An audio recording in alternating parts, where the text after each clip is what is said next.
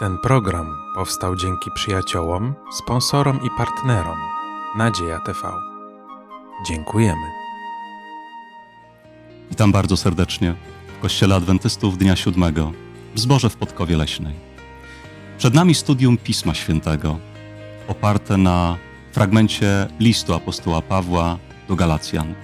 Za chwilkę czytać będziemy, studiować, rozważać fragmenty szóstego rozdziału tegoż listu. Wierzę, że z Bożą pomocą, Jego błogosławieństwem będzie to czas, w którym Pan Bóg pobłogosławi nas, da wiele wspaniałych myśli i sprawi, że poprzez Jego Słowo, poprzez wpływ Jego Ducha będziemy duchowo bogatsi i w praktycznym życiu lepsi. Tytuł dzisiejszego studium to Ewangelia i Kościół. Bardzo serdecznie zapraszam.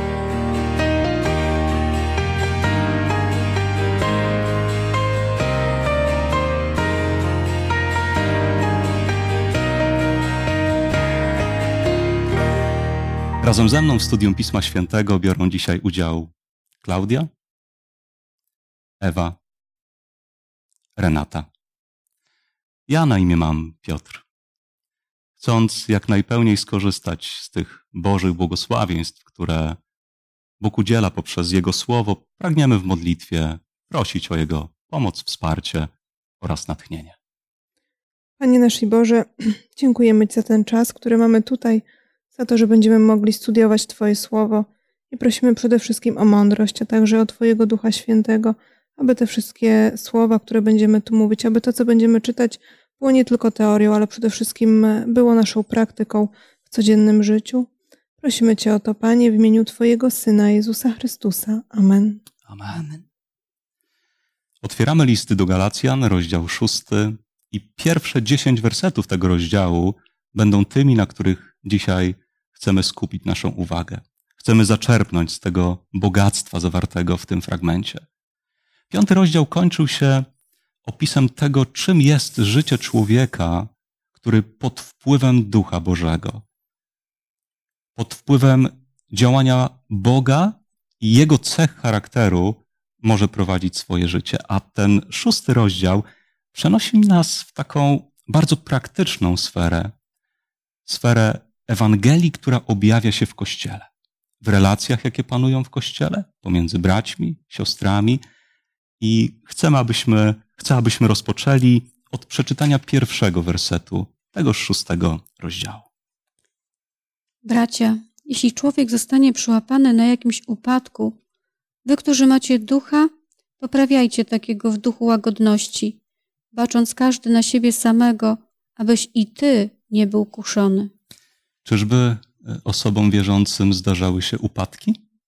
E, uśmiech, który widzę, jest tak naprawdę pewnego rodzaju odpowiedzią na to pytanie, ale gdybyśmy chcieli tą odpowiedź jeszcze rozwinąć. Każdemu zdarzają się upadki, tak? Niezależnie, czy jest to osoba wierząca, niewierząca, jesteśmy po prostu ludźmi. Ludźmi, którzy niestety mają grzeszną naturę i żyjemy na tej ziemi, i każdy z nas upada w takim czy innym zakresie. Paweł bardzo realnie podchodzi do życia.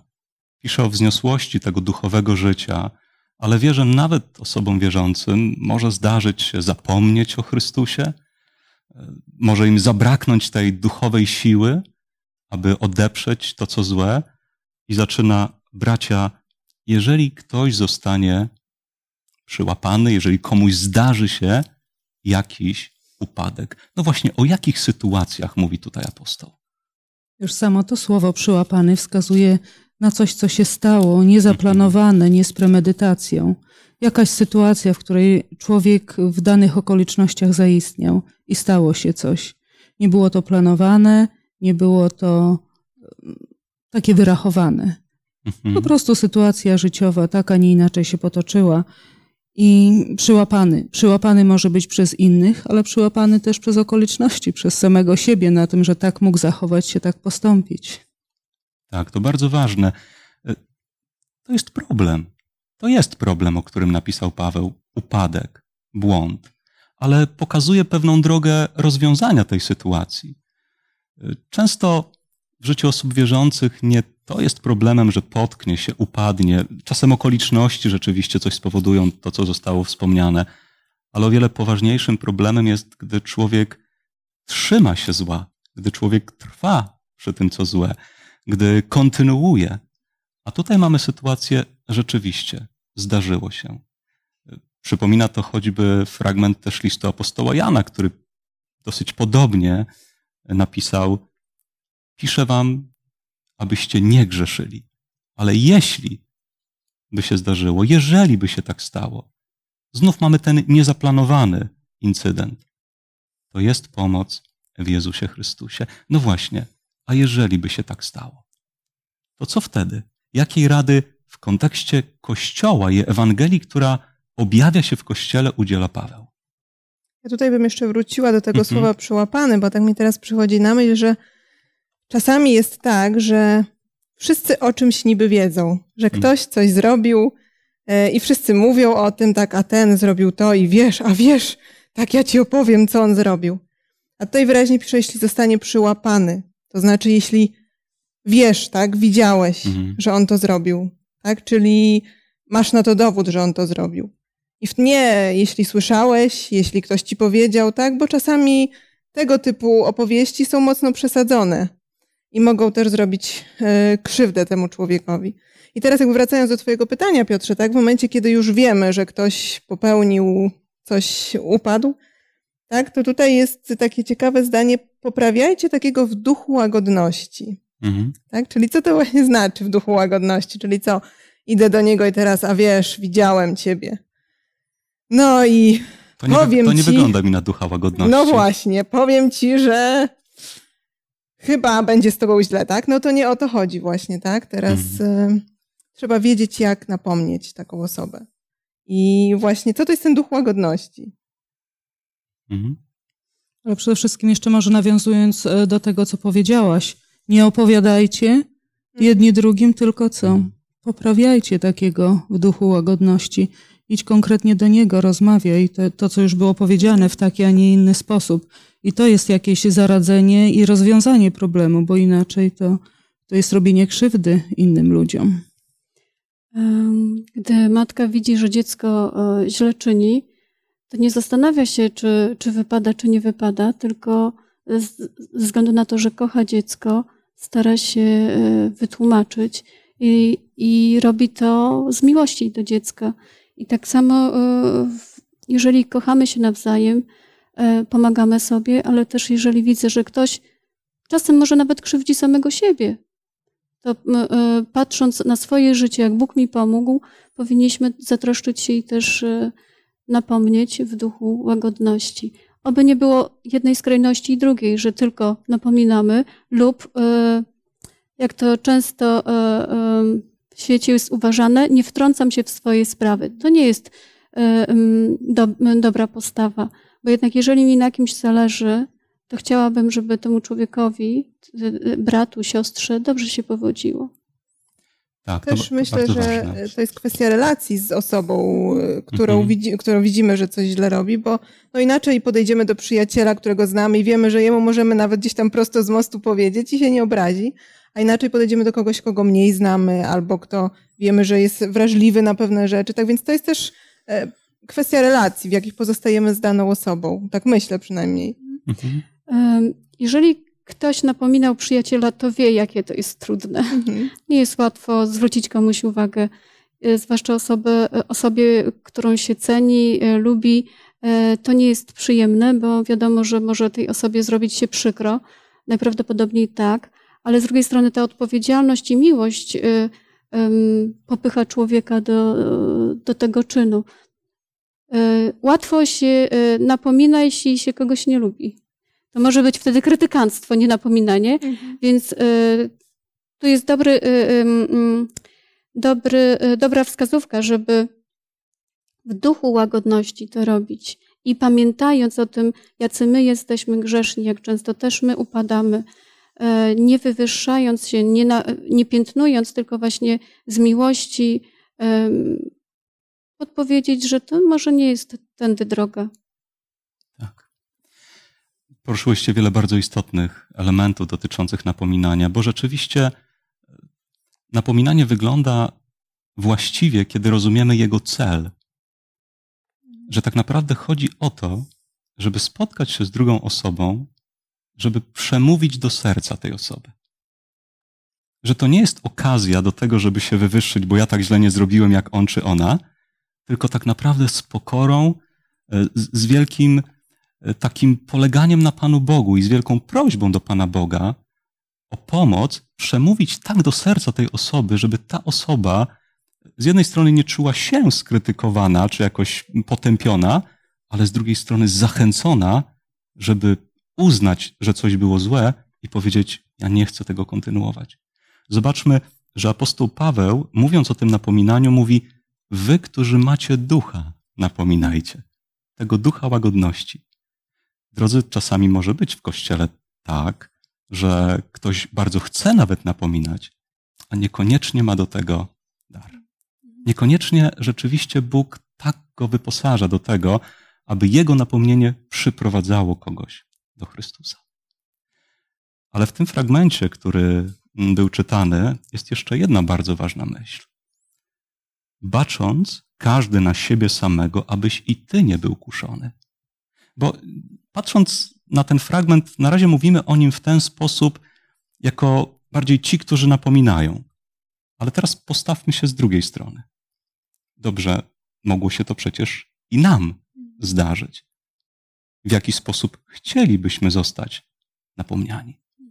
Więc przed czym przestrzega tutaj apostoł, mówi, mówi, mówiąc, uważaj pilnie na siebie samego, żebyś w tej sytuacji ty nie był też kuszony. Myślę, że um, łatwo e, w takiej sytuacji być sędzią. I chyba też w tym e, tekście jest o tym mowa, że jeżeli kogoś napominamy, to obyśmy nie poszli krok za daleko, żebyśmy człowieka nie osądzili i nie skrytykowali. To naprawdę trzeba mieć Bożego Ducha, żeby, żeby z miłością kogoś napomnieć, a nie skrytykować. Mhm. I jeszcze może jedna rzecz. W naszej ludzkiej naturze jest coś takiego, że jak widzimy coś złego u kogoś innego, to automatycznie porównujemy się. Mhm. To jest takie, a ja wyglądam na tym tle o wiele lepiej. I tutaj apostoł mówi: bacz na siebie, bo to jest bardzo złudne, żeby to, że ktoś jest w tym upadku, nie powodowało u ciebie pychy takiej wywyższenia się, bo nawet samo to, w jaki sposób napominać, jeżeli taka postawa będzie, to nigdy nie napomnę mhm. dobrze tej drugiej osoby. Ale ja może jeszcze przywołam tutaj z poprzedniego rozdziału, werset 15 z piątego listu. Mówię wam, według ducha postępujcie, a nie będziecie pobłażali rządzy cielesnej. Ale mimo wszystko mówi, że jednak jeżeli się zdarzy taka sytuacja, no wie, że nie jest idealnie, wie, jakie jest życie na tej ziemi, ale cały czas do tego jakby wraca według te, tego ducha. Jeżeli tutaj uporządkujemy te relacje, jeżeli poddamy się Duchowi Świętemu, to, to się uda, to, to będzie właściwie wszystko na właściwym miejscu. I jeżeli będziemy mieli napomnieć i w jaki sposób, i żeby się przy tym jeszcze nie wynosić, nie wywyższać i nie porównywać się, mhm. że i nie wyglądać lepiej na tym tle. Myślę też, że trzeba odróżnić napominanie właśnie to, co Renata tu powiedziała, od osądzania, oceniania. Mhm. Tak, bo my tak naprawdę nie wiemy, jaka historia stoi za tym człowiekiem i za tym uczynkiem, który on zrobił. Nie wiemy, bo za każdą kradzieżą stoi jakaś historia, tak? Za każdym złym postępkiem stoi jakaś historia i nie nam jest to oceniać, tak? My zwracamy uwagę na zachowanie, to widzimy i oczywiście napominajmy, ale Czasami mamy jako ludzie właśnie tendencję, tak, że raz ja jestem lepszy, a bo ja tak nie zrobiłam. Mm, no to super, jak ten faryzeusz, tak, który przyszedł do świątyni i modlił się, Panie Boże, ja Ci dziękuję, że nie jestem jak celnik, tak? On się nie modlił, ja Ci dziękuję za to, co dla mnie zrobiłeś, tylko że nie jestem taki jak celnik. I my często wpadamy niestety w taką postawę. I, i, i dlatego mówię, że trzeba od, oddzielić ocenianie od napominania. Tak? Nie, nie weszliśmy, tak jak się mówi, trzeba przejść ileś w butach drugiego człowieka, żeby znać jego historię, tak? tak. I dopiero można coś powiedzieć. E, teoretycznie to tak e, łatwo wygląda, ale w praktyce nie jest to takie proste. Więc może warto zastanowić się i popatrzeć na skutki, jakie e, spowodowaliśmy napominaniem. Jeżeli nasze napominanie powoduje rozgoryczenie i, i, i może negatywne skutki, to, to może nie mamy tego daru. Może jednak zostawmy to komuś innemu, żeby więcej szkód nie było. Więc pomyślmy też o swoim postępowaniu. Mhm. Ja może jeszcze odniosę się do tego, co powiedziałaś. Ocenianie jest jak najbardziej wskazane, bo trzeba ocenić sytuację, bo po coś napominamy, w tak? Sensie, tak? W tym sensie tak. Ale właśnie, żeby jakby nie, nie dotyczyło to potępiania tej mhm. osoby, tak? Mamy bardzo ciekawą historię na kartach Pisma Świętego, jedną z wielu. Historia, która przydarzyła się królowi Dawidowi. Przydarzyło mu się, że zgrzeszył, ale później to już tak naprawdę wszedł w to nawet pewien plan związany z ukryciem tego grzechu. Cudzołóstwo z Batrzebą, zabójstwo jej męża. Gdzieś zagubił się zupełnie w tej historii swojego życia. I przychodzi do niego prorok Natan i opowiada bardzo ciekawą historię. Pamiętamy na pewno tą historię, tak? Opowiada królowi pewną bajkę, przypowieść. Tak? I król bardzo szybko ocenia i sytuację, i osobę, i, i ma gotowe rozwiązanie bardzo szybko. No bo to było sprawiedliwe, co powiedział. Właśnie na tą ocenę chcę zwrócić uwagę, bo opowiada tą przypowieść o dwóch mężczyznach. Jeden miał jedną owieczkę, którą dbał, którą traktował naprawdę jak kogoś najbliższego. Inny miał całe stada. Do tego bogatego przyjeżdża ktoś w gościnę i on Szkoda mu było wziąć z tych swoich stad, żeby ugościć podróżnego. Zabiera temu, który miał jedną, przyrządza. I rzeczywiście ta reakcja Dawida, o czym, o czym Ewo wspomniałaś, Pismo Święte relacjonując tą historię mówi, że Dawid wybuchnął wtedy wielkim gniewem. Był poruszony. Jak mógł ten człowiek tak uczynić? I wtedy z ust Natana padają słowa: Królu, to ty jesteś tą osobą to ty tak uczyniłeś. I już nie w przypowieści, i już nie chodzi o owce, chodzi o ludzi, chodzi o życie.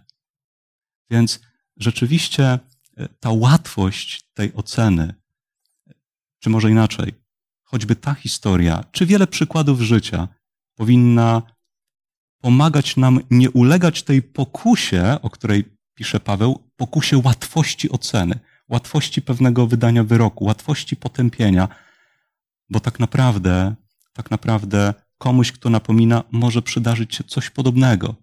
I pewnie jak wobec siebie oczekiwałby pewnej wyrozumiałości, takiej troski, współczucia, tak tym bardziej powinno go przejąć to wobec innej osoby. Według tej złotej zasady, którą Chrystus wypowiedział. Prawda? Jak chciałbyś, żeby ktoś ciebie traktował? Tak traktuj też innych. Więc ten przykład e, Dawida e, jest dla nas inspiracją, byśmy e, zanim kogoś napomnimy, siebie postawili w takiej sytuacji i pomyśleli, jak byśmy chcieli, żeby nas ktoś napomniał. Tak, niech Bóg pomaga naprawdę w Kościele, aby, aby przede wszystkim nie było upadków, a jeżeli się zdarzą, to żeby ta Ewangelia w sposobie napominania, pomagania komuś znów znaleźć przebaczenie w Chrystusie objawiała się jak najpełniej. Chcemy przeczytać kolejne fragmenty tego szóstego rozdziału, tym razem wersety od drugiego do piątego. Bardzo proszę. Jedni drugich brzemiona noście, a tak wypełnicie zakon Chrystusowy. Jeśli bowiem kto mniema, że jest czymś, będąc niczym, ten samego siebie oszukuje. Każdy zaś niech bada własne postępowanie, a wtedy będzie miał uzasadnienie chluby wyłącznie w sobie samym, a nie w porównaniu z drugim, albowiem każdy własny ciężar poniesie. Przeczytaliśmy fragment, który pokazuje, jak w jeszcze inny sposób to błogosławieństwo Ewangelii może objawiać się, może objawiać się w Kościele. Do czego zachęca nas bardzo mocno apostoł w tych słowach. Jest jakby dalszy ciąg tego, w jaki sposób napominać mhm. jedni drugich przemiana noście. A to już trochę też zmienia postać rzeczy, w jaki sposób napominać. Brzemię kojarzy się z ciężarem, prawda? Jakie ciężary mogą nos nosić osoby wierzące? Trud dnia codziennego mhm. lub e, wyrzuty sumienia, jakiś żal, najróżniejszy. Często kłopoty, które Kłopoty. przeżywamy, jakieś problemy, czy to Choroby. związane ze zdrowiem, choroby, odczuwamy jako brzemię, jako ciężar. I mamy radę apostoła, jedni drugich brzemiona noście. Więc jako wierzący możemy wzajemnie w jakiś sposób uczestniczyć, czy współuczestniczyć w niesieniu ulgi, w niesieniu pomocy. Jak praktycznie e, realizujemy to zalecenie? Ciekawe, że tu jest napisane, że, mm, że należy brzemiona e, nosić innych. Nie jest napisane, jeżeli jesteś utrudzony, to proś innych o pomoc. Raczej to jest e, takie e, wskazanie, że jednak to my powinniśmy zastanowić się, jak innej osobie pomóc. Nie nad tym, jak mi jest ciężko, nawet może być ciężko. Jeżeli byśmy patrzyli na, na innych z miłością i dostrzegali ich problemy i nosili ich ciężary, to tak samo inne osoby by dostrzegały nasze i wtedy ta miłość naprawdę by wzrastała. Myślę, że w dzisiejszych czasach czasami ciężko jest nosić te brzemiona. To znaczy, po pierwsze, my chyba jesteśmy dzisiaj Co? obecnie troszeczkę tacy egoistyczni to raz. Wygodni bardzo? Wygodni i jakoś tak nie bardzo chce nam się inne brzemiona innych nosić. To raz. Po drugie, staramy się być samowystarczalni. Mhm. Tak, to znaczy ja nikogo nie potrzebuję, nikogo nie chcę, jestem sam, sama y, i właściwie po co mi ktoś inny. I z tego wynika to, że często ciężko nam się podzielić naszym, nie wiem, problemem, brzemieniem z kimś innym. A jeśli ktoś przychodzi i pyta, jak tobie pomóc, to od razu zapala się lampka. Aha, na pewno czegoś chce. Na pewno coś za tym idzie, na pewno to nie jest bezinteresowne. Nie wiem, ale ja jakoś tak, jak widzę wśród, e, wśród osób, które mnie otaczają ogólnie, to tak często właśnie tak jakieś takie zainteresowanie, czy coś jest odbierane niekoniecznie dobrze, tak? Tylko mówię, właśnie ona czegoś chce, nie jest bezinteresowna, tak? Na pewno coś za tym później pójdzie, coś takiego niedobrego.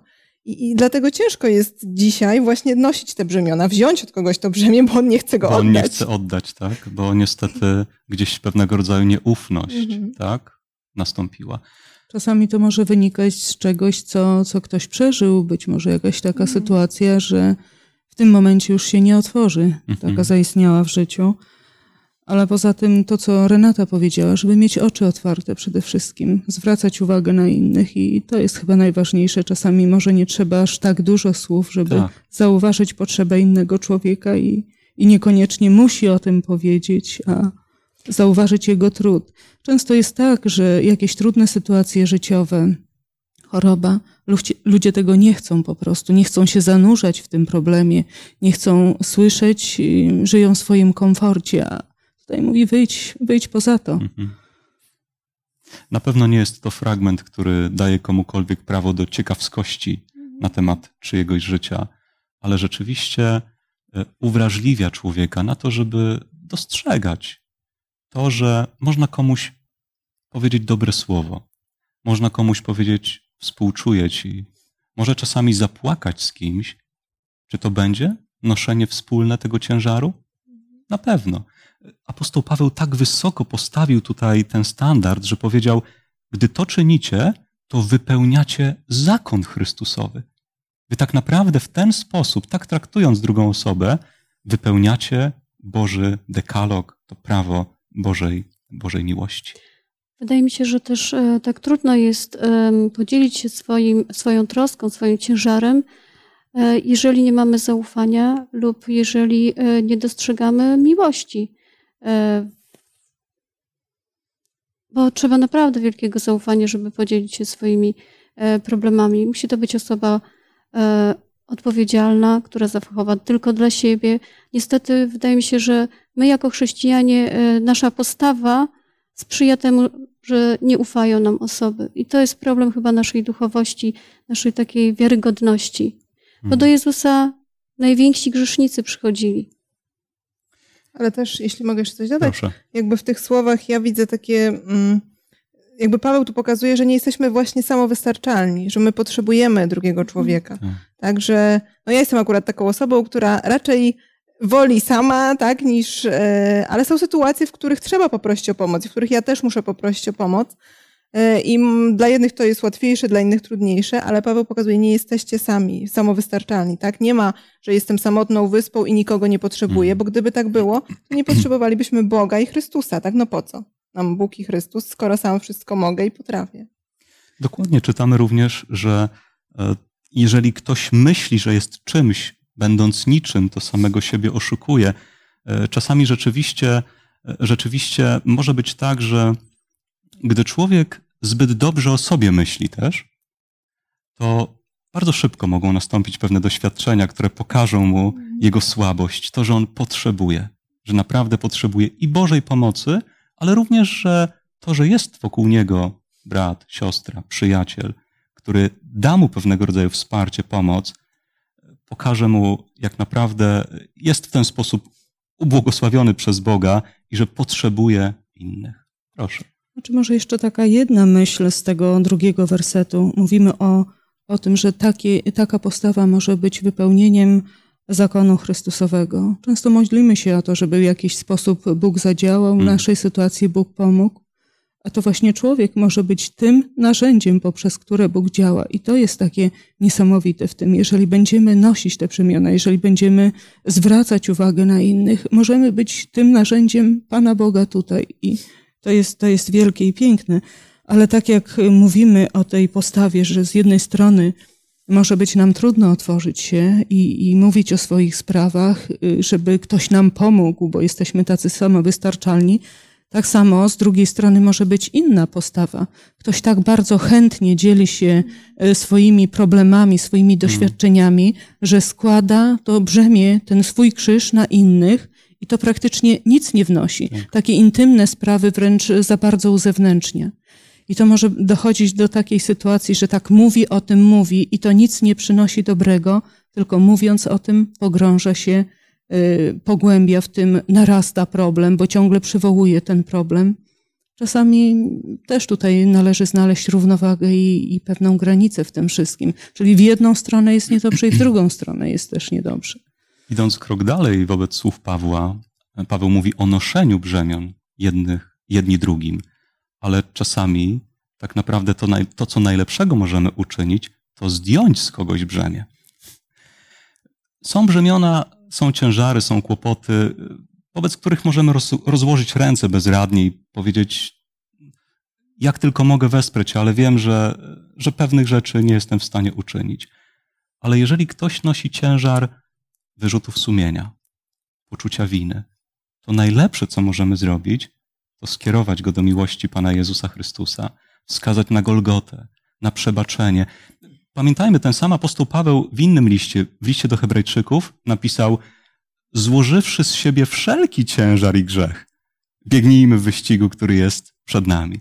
A więc są te brzemiona, które możemy wspólnie nosić, ale jeszcze lepsze, co możemy może uczynić, to pomóc komuś zdjąć brzemię, które, którego Bóg na niego wcale nie wkłada i które Pan Bóg chciałby z niego zdjąć, ale może on nie wie jak, nie potrafi, nie umie, gdzieś, gdzieś zagubił się. Ale w piątym wersecie czytaliśmy słowa, albowiem każdy własny ciężar poniesie. O czym tym razem mówi Paweł po słowach mówiących o wspólnym niesieniu pewnych brzemion i ciężarów. Ja myślę, że ten werset powinniśmy rozpatrywać razem z wersetem czwartym, mhm. który tutaj mówi: Każdy zaś niech bada własne postępowanie, a wtedy będzie miał uzasadnienie chluby wyłącznie w sobie samym, a nie w porównaniu z drugim. Tak, czyli to, co już tu chyba Renata mówiła o tym, że mm, czasami porównując się z drugą osobą, wydaje nam się, że jesteśmy tacy dobrzy, fajni i lepsi. Natomiast tutaj ten piąty werset, każdy własny ciężar poniesie, czyli każdy moim, ja tak e, to rozumiem, że każdy sam stanie przed Bogiem z tym mhm. wszystkim, co w życiu przeżył i nie będzie tłumaczenia, ale ja byłem lepszy od sąsiada, tak? Bo ja, nie wiem, nie ukradłem, nie zabiłem, więc byłem lepszy. To nie będzie tak wyglądało. Tylko będę ja i Pan Bóg, tak? I On będzie oceniał, osądzał, nie wiem, jak to jeszcze inaczej nazwać, tak, moje postępowanie. I oczywiście On, znając moje motywacje, tak, moje serce i z czego wynikały mhm. pewne rzeczy, no to już je, jemu ta ocena zostaje, tak? I on będzie decydował, co zrobić. To jest ta kwestia tej ostatecznej odpowiedzialności przed mhm. Panem Bogiem, tak? Co zrobiłeś ze swoim życiem? Mm, Co zrobiłeś z tymi ciężarami również, które mogłem z ciebie zdjąć? Zachowałeś się dla siebie? Co zrobiłeś z tym, czym cię obdarowałem, z różnego rodzaju darami? Że każdy rzeczywiście poniesie pewnego rodzaju ciężar odpowiedzialności. Oczywiście, jeżeli zaufał Chrystusowi, jeżeli to brzemię złożył na Niego, jeżeli, tak jak napisze inny apostoł, apostoł Piotr, wszelki ciężar swój, troskę swoją złóżcie na Boga, bo Jemu na was zależy. On ma o was staranie. Wtedy to poczucie odpowiedzialności nie przygniecie człowieka, ale będzie miał wdzięczność, że z Bożą pomocą przeżył życie dobrze. Ale jeżeli rzeczywiście odwracał się od Pana Boga, to ten ciężar może być czymś, co mocno może przygnieść jego serce.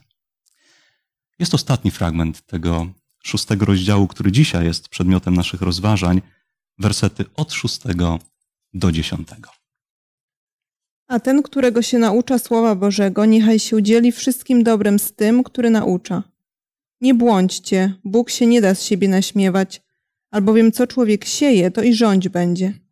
Bo kto sieje dla ciała swego, z ciała rządź będzie skażenie, a kto sieje dla ducha, z ducha rządź będzie żywot wieczny.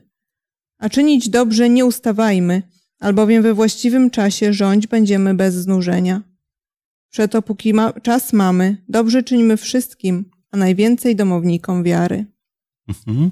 Kontynuując te myśli, które zostały wypowiedziane poprzednio, Paweł znów pokazuje, w jaki sposób Ewangelia praktycznie w Kościele może się objawiać. Co dostrzegamy istotnego w tych fragmentach? W, w przyrodzie panują prawa fizyki. W życiu duchowym również. Jeżeli ktoś sieje dla ciała, a chciałabym tu przytoczyć werset z piątego rozdziału, dziewiętnasty werset, w którym jest mowa.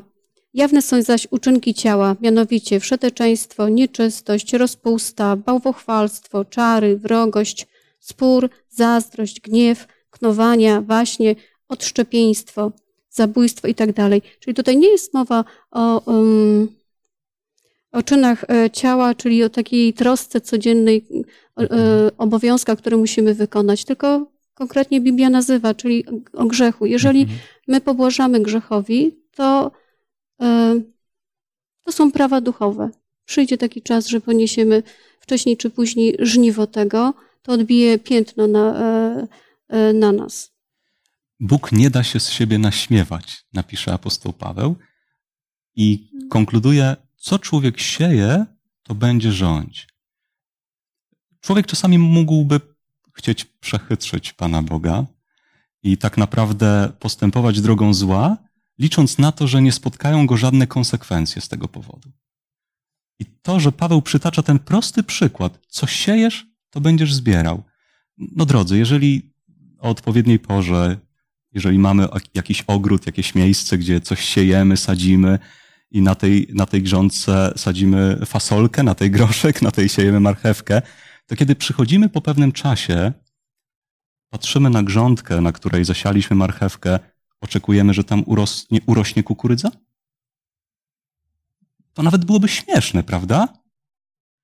A z drugiej strony człowiek w życiu duchowym czasami sieje poprzez swoje myśli, czyny, słowa dla egoizmu, dla porywczości. A oczekuje, że będzie łagodny? A oczekuje, że będzie altruistycznie podchodził do innych? W jaki sposób możemy siać dla ducha lub dla ciała? Mówiliśmy o samych dobrych rzeczach, jak traktować innych ludzi. Mhm. I tutaj chyba taka prosta myśl, która z tego wynika. Jak będziesz traktować innych, to też swój plon to ostatecznie zbierze. Bo jeżeli będziesz na sobie się koncentrować, na tym, co dla ciebie najważniejsze, nie będziesz zwracać na innych ludzi uwagę, no to jaki efekt będzie tego? Będziesz chciał coś dobrego i co? Wróci, to do ciebie wróci w taki, a nie inny sposób. Bo jeżeli się takie rzeczy rozsiewa, no to nie sposób zebrać później czegoś, coś innego, żeby ludzie raptem zrobili się tacy chętni do pomocy tobie, tak jak ty im pomagasz. Tak? Ale się chce, żeby zasiać ziarno, musi wysilić się. Musi wziąć ziarno, wyjść w pole, siać. To nie jest, y, to nie jest postawa bierna. Więc my mamy naturę grzeszną i żeby coś dobrze uczynić, to musimy się wysilić. Tylko to, nie, to nie jest te, takie, takie naturalne. Dla nas naturalną rzeczą jest egoistycznie podchodzić do życia, żeby mi było wygodnie. A jednak w tych wersetach, które dzisiaj nawet przeczytaliśmy, Bóg mówi: zapomnij o sobie, a bar bardziej patrz na innych, żeby dobrze. Mhm. Bądź wrażliwy na innych, mniej wrażliwy na swoim punkcie, e, bo wtedy ten owoc duchowy wzrasta w tobie, ta szlachetność, dobroć, e, ta miłość, która jest przecież cechą Bożą. To wyda plon, jeżeli będziemy uprawiać ten ogród dobry. Tylko też jakby kontynuując też tę myśl, żeby to nie było takie sianie, wiecie, takie aha, bo ja teraz czekam na odpłatę, to muszę coś zasiać i teraz wychodzę rano.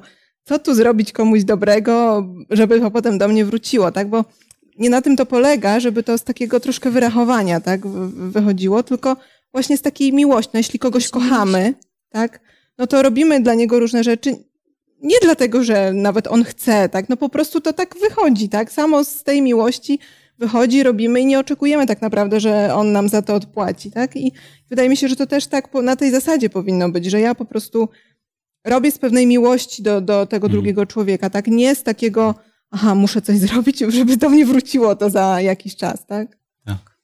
No, chyba w wersecie dziesiątym, zresztą to jest y, przewodni werset naszego rozważania, mówi konkretnie na czym to ma polegać. Przeto, póki czas mamy, dobrze czynimy wszystkim, a najwięcej domownikom wiary. To jest ten siew. Co ma być siane? Dobro.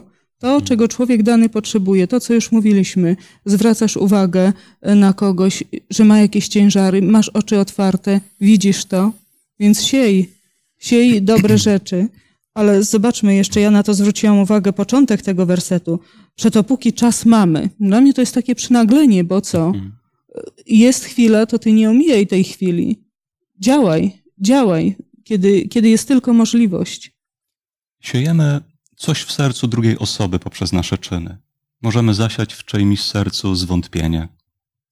Możemy zasiać rozgoryczenie. Możemy zasiać otuchę, wzmocnienie duchowe.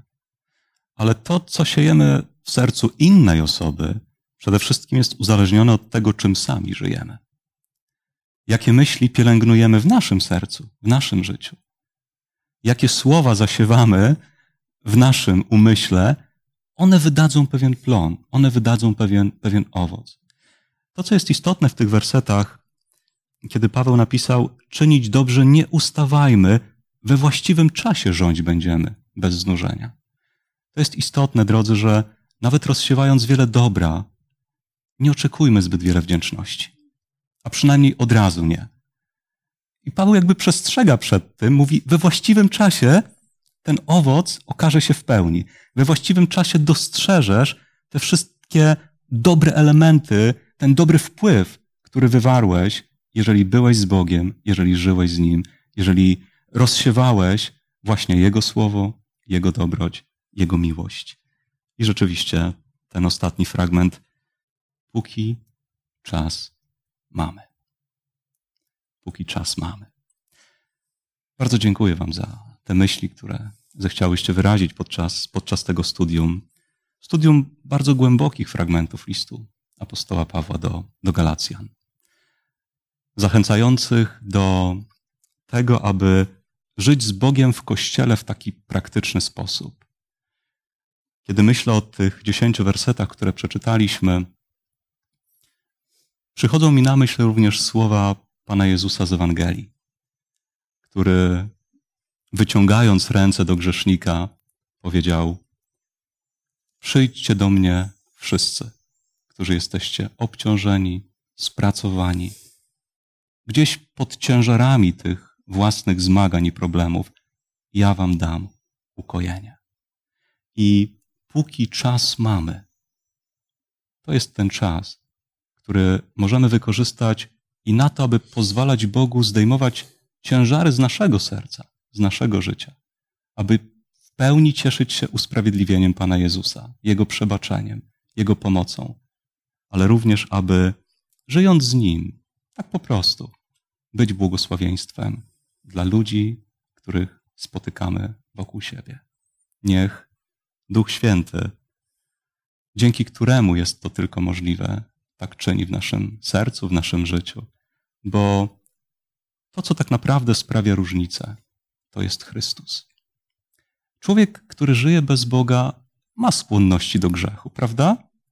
A człowiek, który żyje z Bogiem, również ma tą grzeszną, grzeszną naturę. To, co czyni różnicę, ten, który czyni różnicę, to Chrystus, który panuje nad sercem człowieka i który pozwala mu zainteresować się innymi w sposób, jaki został tutaj opisany. Podziękujmy Bogu i prośmy Go jednocześnie o pomoc, aby Ewangelia, Jego Ewangelia, w tak najpełniejszy i najpiękniejszy sposób objawiała się w Kościele. Nasz niebieski Ojcze, dziękujemy Tobie za ten czas, za Twoje słowo, za to, że Panie kolejny raz nam ukazujesz, jak mamy żyć na Twoją chwałę. Proszę, zmieniaj nas. Prowadź w taki sposób, żebyśmy byli dobrem dla innych, żebyśmy rozsiewali wokół siebie dobro, abyśmy podnosili innych ludzi z ich trudów życia, ale również podnosili do Ciebie poprzez naszą postawę. Proszę o siłę, o moc, o Ducha Świętego, o to, aby to wszystko działo się na Twoją chwałę, aby Twoje imię było rozsławiane. Polecamy się Tobie i dziękujemy za te słowa. W imieniu Jezusa. Amen. Drodzy, bardzo dziękujemy, że byliście razem z nami podczas tego studium. Jednocześnie pragnę zaprosić na ostatnie już rozważanie oparte na liście apostoła Pawła do Galacjan, które zatytułowane będzie Chlubienie się z krzyża. Życząc Bożych błogosławieństw, serdecznie zapraszam na kolejne studium.